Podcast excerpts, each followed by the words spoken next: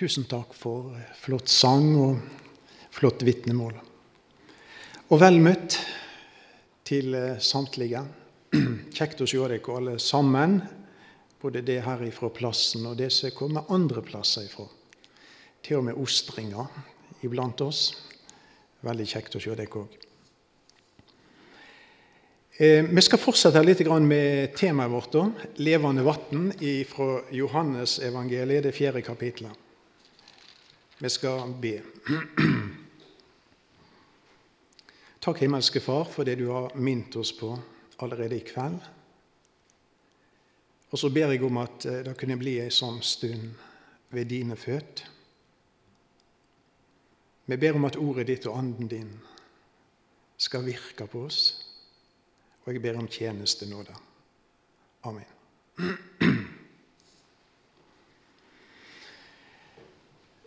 Jeg er blitt så fascinert, jeg må bare bekjenne det, at eh, det fjerde kapittelet i Johannesevangeliet det har jeg altså da vært noen timer inn i. Jeg opplever det liksom som en sånn helligdom som jeg går inn i.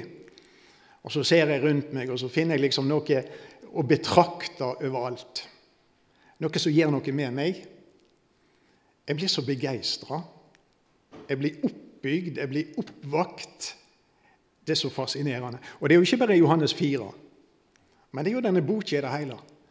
Denne vidunderlige boka som Gud har gitt oss. De hellige skriftene. Det er ingenting i denne verden å sammenligne med det.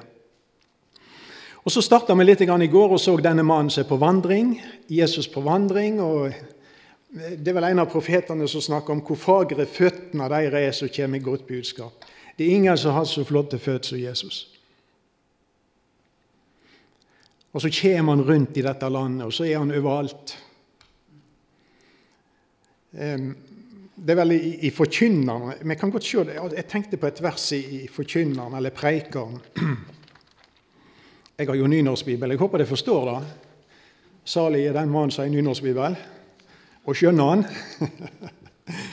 Men i Preikeren så står det der i vers eh, kapittel 10, eller forkynner, at dårskapen sitter i mange høye stillinger, medan storfolk lyt ikke lågt. Jeg har sett tjenere ri på hester, fyrster gå til fots som tjenere. Altså, det, det er opp ned, dette her, sier han. Altså, Fyrster de, de skal jo sitte på hester. Men jeg har sett her motsatt, sier han. Altså, her, her, er noe som ikke stemmer, på en måte. Og så tenker jeg på Jesus. Han kunne jo så sa jeg går, han kunne jo sette seg i tempelet i Jerusalem og så sier han alle interesserte kommer her. Eller han skulle skaffe seg noen hester, og så kunne han sittet i en flott vogn og så kunne han ridd rundt i dette landet. Han gjør ikke det. Jeg ser en mann på vandring. Han alle ting gjør vel. Og Så kommer han til denne Nikodemusen i kapittel 3 som er der oppe, sant? og så kommer han til hun der kvinna som er der nede. Hvem er han mest interessert i? Begge to. Der er noen øyne som speider, der er et hjerte som brenner, og så er det en som oppsøker. Han er kommet for å søke og leite etter det som var fortapt. Nikodemus var 100% fortapt, kvinner var 100% fortapt. Jesus oppsøker deg. Og du var 100% fortapt.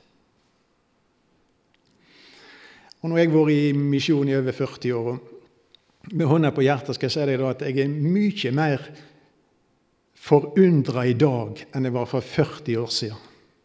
At Jesus kunne stanse ved meg at han kunne komme til meg. For han visste jo alt ballet han fikk med meg, og så kom han allikevel. Johannes 4, altså, så kommer han da til denne her eh, Jakobsbrønnen.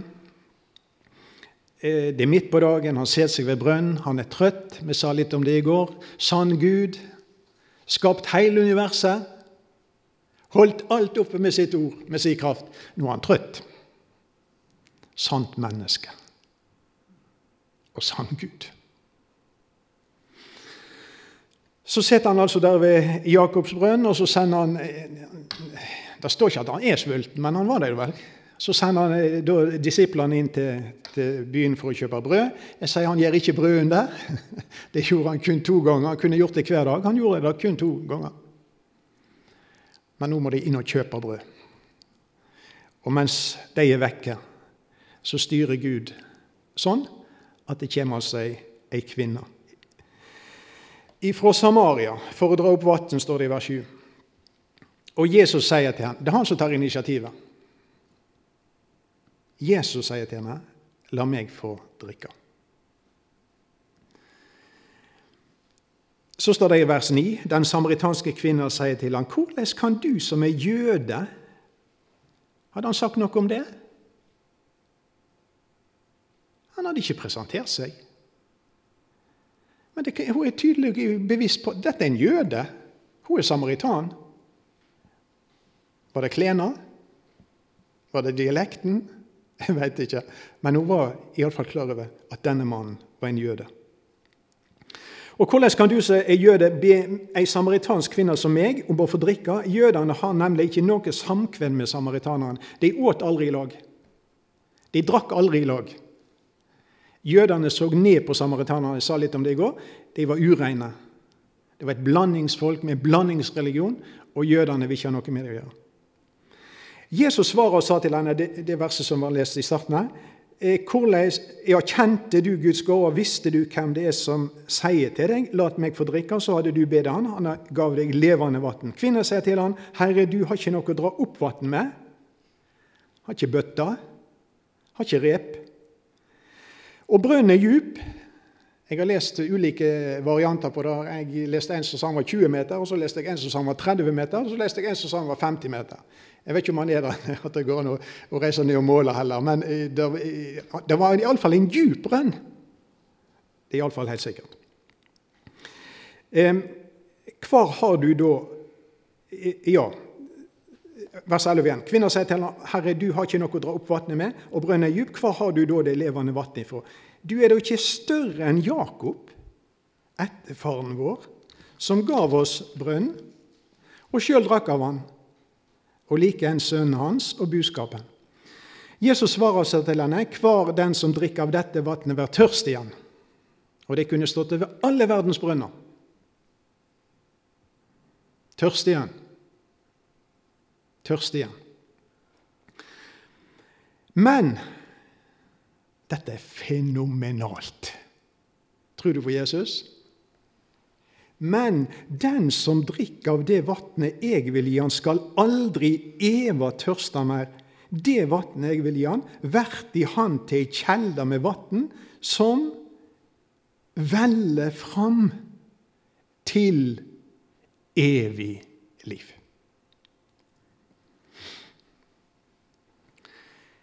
Her er det altså den største, den høyeste, den reneste, den edleste i samtale med ei så er en kontrast til han på alle måter. Og så er altså han interessert i henne. Og så starter han en samtale. Og jeg syns jo det er så underlig, dette her. Det, altså, denne ordvekslinga mellom dem. Og ikke bare det, men jeg sa vel òg i går at dette må jo være en av de samtalene som har lengst referat ifra i hele Bibelen, eller i hele Nytestamentet. Altså, Det har fått veldig stor plass, dette i, i Bibelen. Og Det er en samtale der den ene samtaleparten ikke forstår det den andre sier eller mener. For denne kvinnen hører hva Jesus sier, men hun skjønner det ikke. Hun tenker hele tida på det naturlige plan, og han snakker om åndelige ting. Han snakker om Guds gaver, han snakker om vann, han snakker om levende vann. Og kvinnen hun tenker hele tida på brønn og vann og bøtter og de der tingene der. Hun tenker naturlig. Hun forstår ikke det åndelige. Er hun alene? Jeg tror du har gjort erfaring med det samme. Og det er jo akkurat dette så er jo problemet når jeg og du òg skal snakke med ufrelste folk. ikke det? Altså, Vi skal fortelle deg om de åndelige tingene. Vi skal fortelle deg om frelse. Vi skal fortelle deg om Frelseren. Vi skal fortelle deg om evige ting, uforgjengelige ting. Hadde de skjønt det, så hadde det blitt vekkelse momentant. Første Korinterbrev 2, vers 14. Eh, der står det at 'men et sjelelig menneske' Altså det er et, et menneske uten Guds ånd, kan du si. Et menneske som ikke er frelst. Et sjelelig menneske tek ikke imot det som hører Guds ande til, for det er en dårskap for han, og han kan ikke kjenne det. Det kan bare dømmes åndelig. La oss òg ta andre Korinterbrev, kapittel 4. Hvis du skal skjønne folk, så må, du, så må du bli opplyst av Bibelen. Og jeg sier, Vi av og til så, liksom, er litt sånn flaue på vegne av Bibelen. Det er ingen i denne verden som har sånne forutsetninger og forstår verden som de som vet hva som står i Bibelen. Det er ingen som har et sånt lys som Guds folk, som har Guds ord. Det er ingen som har forutsetninger for å skjønne problemene i verden, sånn som Guds folk som har en bibel. Altså Bibelen gir et lys som ingen andre bøker, ingen annen visdom, ingen annen kunnskap gir. Vi burde løfte Bibelen høyt og prise Gud. 2. Korinterbrev 4,4. Eh, for denne verdens Gud har blinda hugen åt de vantruende, altså blinda sinnet deres, blinda tankene deres. Du må ikke ha store forventninger, skjønner du. At de skal skjønne åndelige ting. Tankene deres solformørkelse. Stummende mørkt når det gjelder åndelige ting. Og så kan du ha den skarpeste hjerne i denne verden og være åndelig blind. Dum. Det er mulig. Eh, for, eh, blinda hugen, sinnet til de vantroende, så de ikke ser lyset fra evangeliet om Kristi herligdom, han som er i Guds bilde. Og så står du der og skal vitne om Jesus, og det er tingene som er så herlige for deg, og så går det ikke inn. De skjønner ikke. Ikke få sjokk. Det er realiteter, men det er håp.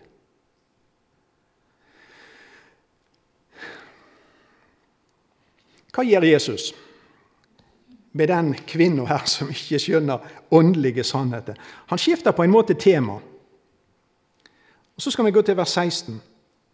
Han sier til henne, 'Gå og rop på mannen din', og kom så hit. Han skifter tema til noe hun forstår. For nå går han rett inn i livet hennes. Rett inn i hverdagen hennes. Og så setter han lykta og lyset på et punkt i livet hennes og forteller henne hvordan livet hennes har vært feil. Galt.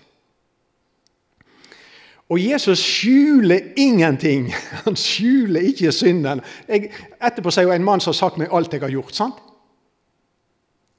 Og Han sier ikke 'ok, du har hatt mange menn'. Han sier ikke det. Han sier 'du har hatt fem menn, og den du nå har, er ikke din mann'. Det er nummer seks. Hva er dette? Dette er detaljer fra et liv. Og han forteller henne det. Vet du hva Jesus er? Han er sannheten, han. Og Jesus skjuler ikke sannheten. Jesus forteller sannheten. Og sannheten i dette tilfellet er synd.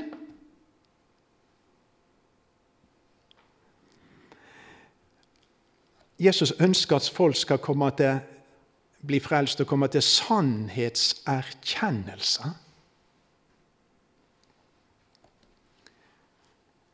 Og så preker han om synd. Er det greit? Jeg har lest om kirkevekst på amerikansk. Og De sier du må ikke preke om synd, du må ikke preke om dom, du må ikke preke om Guds vrede. Eh, da kommer ikke folk. De vil ikke ha det, de, ikke, de liker ikke de tingene. Dropp det. Skal vi få menighetsvekst, så må vi legge de tingene til side. Jeg er ikke interessert i det. Jeg er interessert Hva sier Guds ord? Guds ord, ja, hva sier Guds ord? Jeg er mye mer enig med en predikant som sier jeg preker mye om synd. Fordi folk skal elske Jesus mye. Hvis Jesus skal tilgi synd, så må han jo få åpenbare synd. Og Det som er rart i vårt land i dag, vet du, er det mange ting, men det er jo en ting, det at folk har jo ikke bruk for en frelser. Og til og med innenfor bekjennende kristenhet da har de ikke bruk for en Altså, De har bruk for helbrederen, og de har bruk for undergjøreren, og de har bruk for han som kan ordne opp i livet deres i filleting og bagateller. Men frelseren Jesus Jeg sier jo av og til at eh, litt sånn eh, ironisk for så vidt, Hadde Jesus kommet til Norge i dag, så måtte han gått på Nav. Arbeidsledig.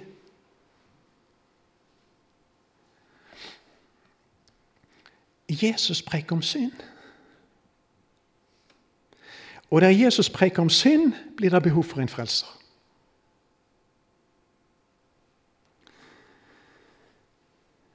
Jesus skjuler ikke synd, Jesus åpenbarer synd. Og nå åpenbarer han ting fra hennes liv. Hun blir avslørt. Jeg vet ikke om du liker å bli avslørt, men jeg skal iallfall få vitne om én ting. Og det er at den herligste av alle plasser blir avslørt på, det er hos Jesus. Ja, men jeg har gjort sånn, og jeg Det er ingenting av de tingene der som ikke han visste. Ja, men jeg har tenkt sånn, og jeg har gjort Det er absolutt alle det der. Ja,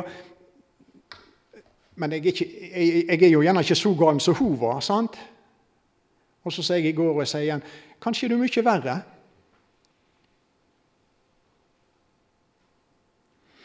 Vet du hva, Når jeg leser i Bibelen, og så leser jeg om mennesket, og så tenker jeg for meg selv det er jo ingen som har et verre menneskebilde enn Jesus gir oss.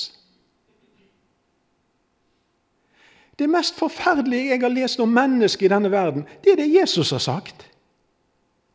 For vet du hva Han, han sier 'i menneskehjertet bor det', og menneskehjertet er Og så presenterer han noe. Du kan jo bli sjokkskada.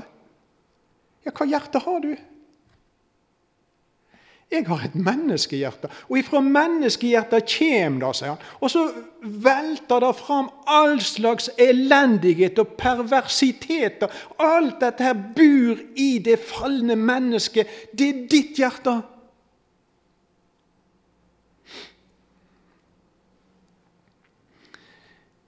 Jeg har kvalifisert meg sjøl til å gå fortapt tusen ganger.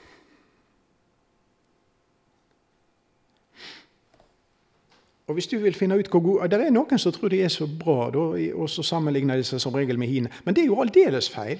Du må ikke sammenligne deg med hine. Du må legge lista der som Gud legger. Du skal være sånn som Jesus. Og Hvis ikke du er sånn som Jesus, så holder det ikke.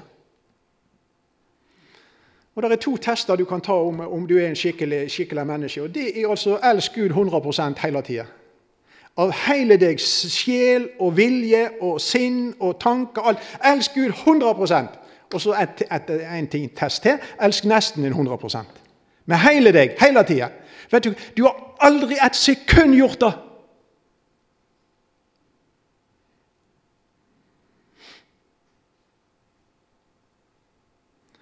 Jeg ser i Guds ord ser jeg er fortapt i meg sjøl. Jeg ser det som Jesus sa til han i Markus 10. For menn, altså Prakteksemplar av et menneske. Og så snakker Jesus med han, og så går han sturen bort, står det på nynorsk. Han går sturen bort. Og så står læresvennen Hvem kan da bli frelst hvis ikke han ble frelst? Og så sier Jesus det herlige ord For mennesket er det umulig. Det er et av de beste ordene jeg vet i denne sammenheng i Bibelen. Og når jeg skjønte det der Jesus sa, så kapitulerte jeg. Det er jo ikke vits for meg å prøve når Jesus har sagt det er umulig for deg med det hjertet der. Og med de der tankene der og med alt dette. Det, det, der, det er umulig for deg. Ok, da gir jeg ord. Ja, og for Gud er det mulig. Da ser jeg vekk ifra dette, og så ser jeg Han som Jesus, som Gud holder fram. Her er redningen din. Sånn, her er Han!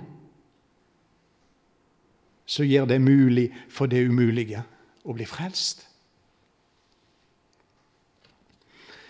Men disse tingene det, det, altså, Jesus avslører det. Det, det, er ikke, det, er ikke vits å spille skuespill for han var han. Jeg bare hiver maska, og jeg er fortapt. Jeg har ikke hatt fem mann, og den jeg nå har den. Nei, men du har gjort ting, har gjort ting som er sikkert mye verre.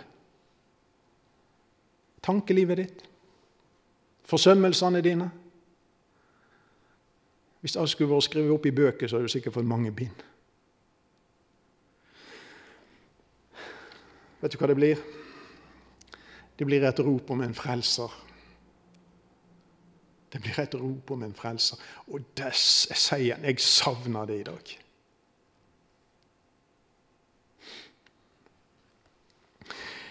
Vel, tilbake igjen til Johannes 4, vers 19. Eh, kvinner sier til han, 'Herre, jeg ser du er en profet.' Og har skjønt noe. Jeg er på sol, soloppgang. Det begynner å lysne litt. Jeg ser du er en profet. Hva gjør hun så? Så begynner hun å diskutere teologi. Vers 20 og følgende. For da plutselig Fedrene våre tilbar på dette fjellet, og det sier at Jerusalem er staden der en skal tilbe. Jesus sier til en tru meg kvinne, den timen kommer da de ikke skal tilbe Faderen på dette fjellet eller i Jerusalem. De tilber det de ikke kjenner. Vi tilber det vi kjenner, for frelser kommer fra jødene. Og der sto Frelseren, som var kommet gjennom Davids slekt. Men den timen kommer og er nå, da de sanne tilbederne skal tilbe Faderen i ånd og sanning, for slike tilbedere er det Faderen vil ha. Hva begynner hun å diskutere? Hun begynner å diskutere tilbedelse. Dyrker Gud. Ok, Vi har ett fjell. Det heter altså Garisim. da.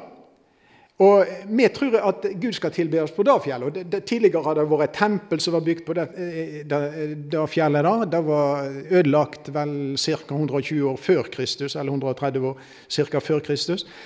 Men de fortsatte å dyrke Gud på det fjellet. Og det var jo, det jo Javé. sant? Det var jo Israel sin gud de dyrka. da. Og, og det sier vi skal dyrke han i Jerusalem. Sant? Eh, her er uenighet.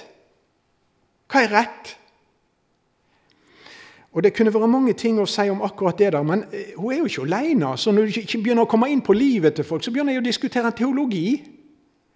Og de er spesielt interessert i det som en kan være uenig om. Dette der er, dette der er gammelt. Og nå kunne vi tatt mange sånne konkrete eksempel. Jeg husker jo fra vi gikk på ungdomsskolen allerede. Adam og Eva ja, de hadde jo, de hadde jo noen sønner og osv. Men, men kona deres og alt dette der, da, hvor, kom de ifra? Så, og så, og så var, når vi kom inn på kristendom, så ble det noen sånne spissfindige diskusjoner som havna i en eller annen grøft, holdt jeg på å si, langt ut på vidda. Og så kan du høre i dag òg, du kommer på kristendom. Eh, eh, ja ja, sier de. Jesus, ja ja. Er ikke, er ikke de andre gudene eller andre religionene like gode? Sant? Og Kanskje er det bare én Gud alt sammen, og enhver blir salig i sitt tro. ikke det sånn? Og det sier jo det, men kirka sier jo det. Og så det er motsetninger, på en måte. Så på en måte flykter de vekk ifra jeg holder på å si, ditt vitnesbyrd, og så flykter de ut i teologi og havner ut i en eller annen vidda. Noen sier Jerusalem, og noen sier Garisin. Og noen sier vi skal tilbe sånn, og noen sier vi skal tilbe sånn. Og så begynner denne her samtalen å ta en helt spesiell retning. Hva gjør Jesus da? Vi også vil diskutere teologi. Han forkynner sannheten for henne.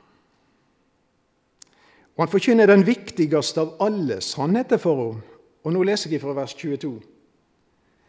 Eller jeg skal lese litt lenger nede. Eh, vi tar ifra vers 24. Eh, Gud er ånd. Og Dette skal eh, vi kanskje komme litt mer tilbake til senere. Og de som tilber Han, må tilbe i ånd og i sannhet.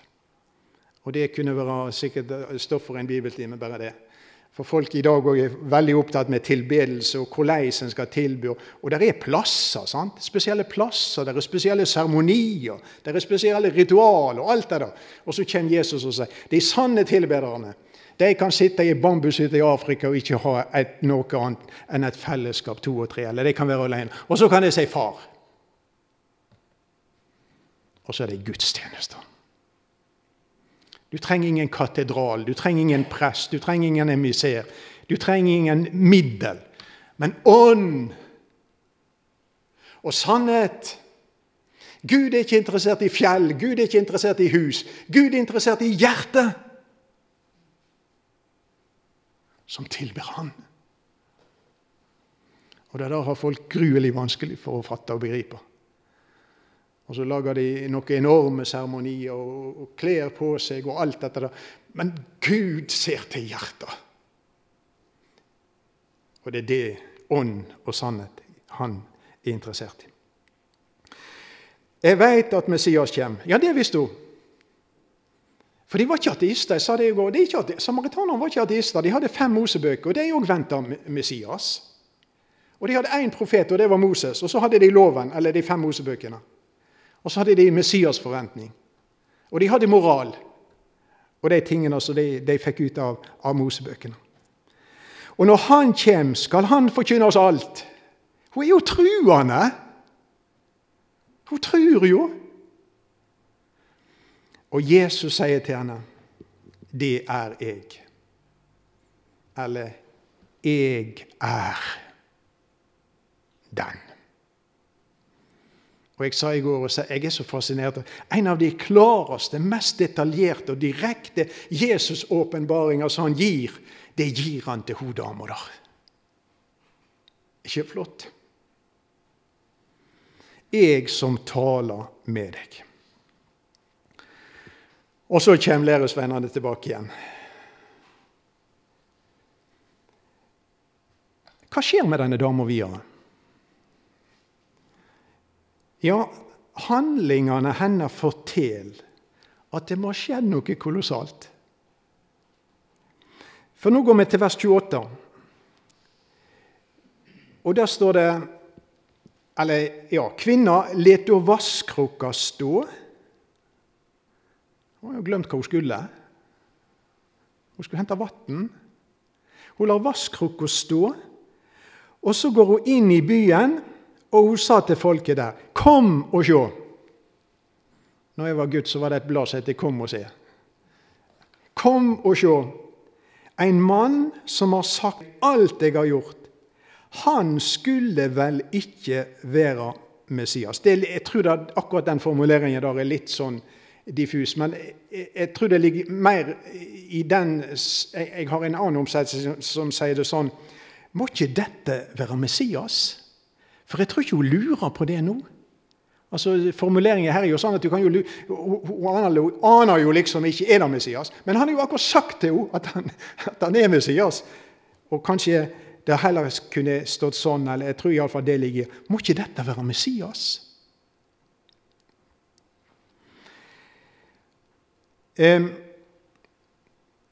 Så skal vi gå litt eh, lenger ned i, i dette kapittelet, ned til vers ja, Vi tar med vers 30. Da, de drog da ut ifra byen og kom til han. Kolossale ting. Det er vekkelse i Samaria. Og vekkelsespredikanten det er altså ei som ingen ville høre på før. Ei som alle så ned på. Ser du hva Jesus kan gjøre med et menneske? Og Nå hadde altså alle læresvennene gått inn i den byen før, og det kom ikke ut én samaritan som var interessert i Jesus. Og Nå kommer det ei dame inn, og så sier hun noe. Og så setter hun hele byen i bevegelse. Vi går ned til vers 39. Mange av samaritanerne fra denne byen trodde på Jesus pga. orda til kvinna da hun vitna 'Han har sagt meg alt jeg har gjort'. Kjære folk, altså. En må jo bare forundre seg. Det var jo litt av et evangelium, var ikke det? Men Gud bruker tydeligvis et meget enkelt vitnesbyrd fra denne dama til å riste opp en hel by. Og så står det i vers 40.: Da nå samaritanerne kom til han, ba de han stansa hjå dei. Og han vart der i to dager forandra reiseruta. Og mange flere kom til tru på grunn av orda hans. Og de sa til kvinna, 'Nå trur vi ikke på grunn av det du sa, For nå har vi hørt sjølve, og vi Nå skal du få den samaritanske truvedkjenninga. Og vi veit at han i sanning er den som skal frelse verden. Kunne det bli bedre?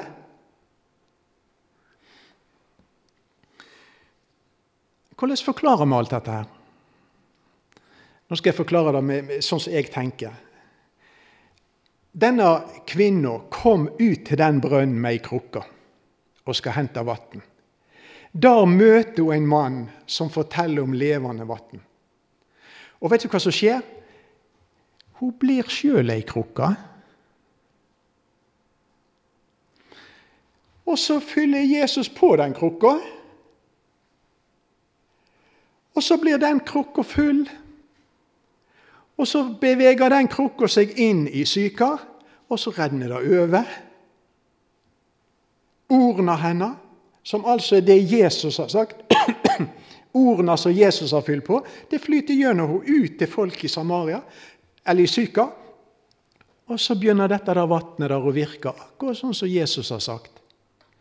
Og så kommer strømmen av mennesket ut til Jesus. Snakk om suksess, altså. Jeg må jo bare si, jeg har aldri opplevd noe sånt. Jeg har vært i over 40 år. Men vi tror jo det virker likevel. Men dette er jo helt spesielt. Helt spesielle ting. Vekkelse i Sykar og redskapet er så spesielt som det går an. Det er alltid muligheter der Jesus kommer. Eh, og så må jeg si litt til slutt om ett vitne til i Johannes 4. For denne kvinna blir altså for meg et enormt vitne. Så Gud bruker Snakk om nåde, men Gud bruker henne helt spesielt. Men det er ett vitne til, og det er altså vers 28 eh, igjen. Kvinna lot da vasskrukka stå og gikk inn i byen. Hun sa til folket der, osv. Og, og så har jeg tenkt på denne vasskrukka der. Altså, Nå står altså denne vasskrukka igjen. Og hun som altså kom ut for å fylle vann i, hun er gått inn i byen. Hva om denne eh, vasskrukka da kunne preike? Så kunne hun jo spørre hvorfor står jeg her? Hva som har skjedd? Jeg skulle jo fylles med vann, og så skulle jeg jo inn igjen i huset. Dette har aldri skjedd før. Hva som har skjedd? Og Hvis noen kunne svart, så måtte vi jo bare gitt ett svar. Det var en mann her. Han heter Jesus. Og han møtte eieren din, og han møtte eieren din på en sånn kolossal måte at hun bare forsvant. Hun måtte inn og fortelle folket i Sykar om deg. Ei krukke står att aleine og vitner om et menneske som fikk et kraftig møte med Jesus. Skal jeg få lov å spørre deg, min kjære venn, i kveld, står det krukke igjen i våre liv?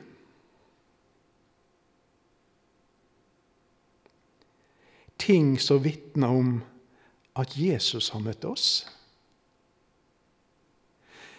Krukker med gamle, syndige, verslige eller tomme gleder. Krukke med gamle vaner. Gamle tradisjoner som hørte egentlig det gamle livet til. Som røyk til når du møtte Jesus? Eller er det sånn, og det tror jeg faktisk er aktuelt å snakke med Guds folk om i dag Er det sånn i dag at et ja til Jesus betyr ingen nei?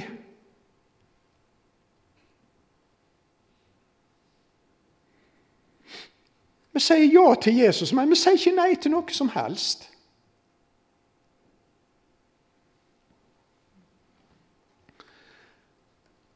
Og noen plasser når de sier at de har, det jeg begynte å tro på Jesus, så må jeg jo bare spørre hva Jesus tror du på? Ja. Tror du på Han som er og lager oss? Så sier alt er OK? Uansett.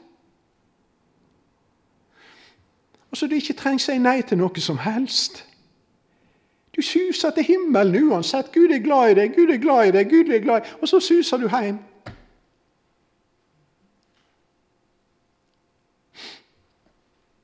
Eller tror du på den Jesus som gir alt nytt?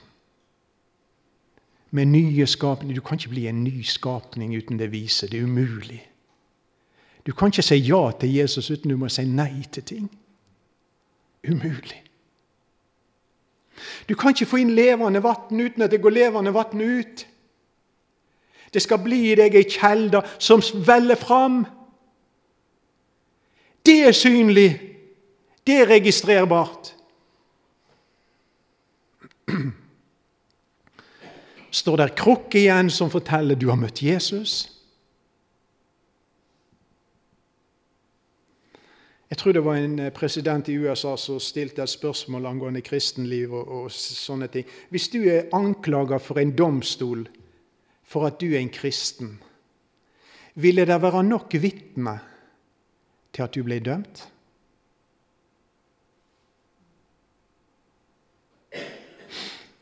Jeg sa til noen ungdommer for ikke lenge siden hvis jeg fikk følge etter deg to meter ett døgn, ville jeg da skjønne at du var en kristen? eller ei uke?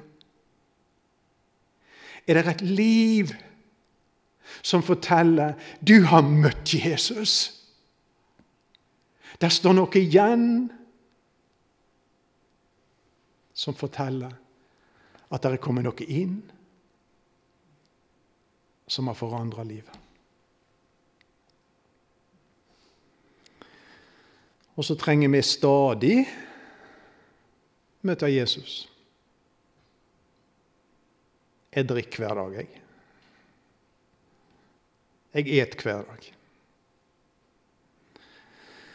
Og det åndelige er det i grunnen akkurat det samme for et sunt liv. Ete og drikke.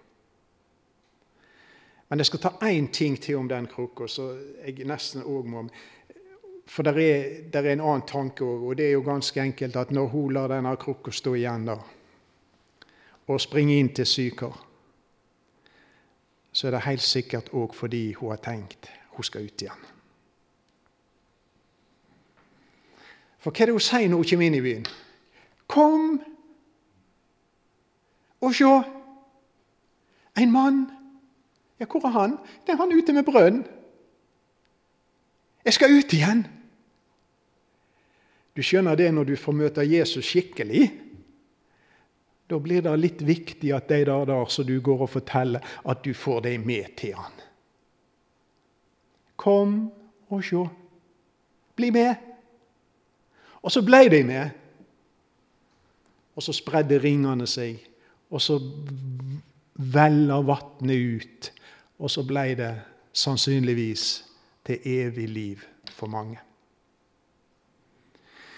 Vi skal se litt mer på disse tingene om Gud vil i morgen. Far i himmelen, vi bare takker deg, priser deg for din godhet imot oss. Og jeg takker og priser deg fordi at du òg interesserte deg for meg, for oss. Takk for du kom til oss som ikke kunne komme til deg.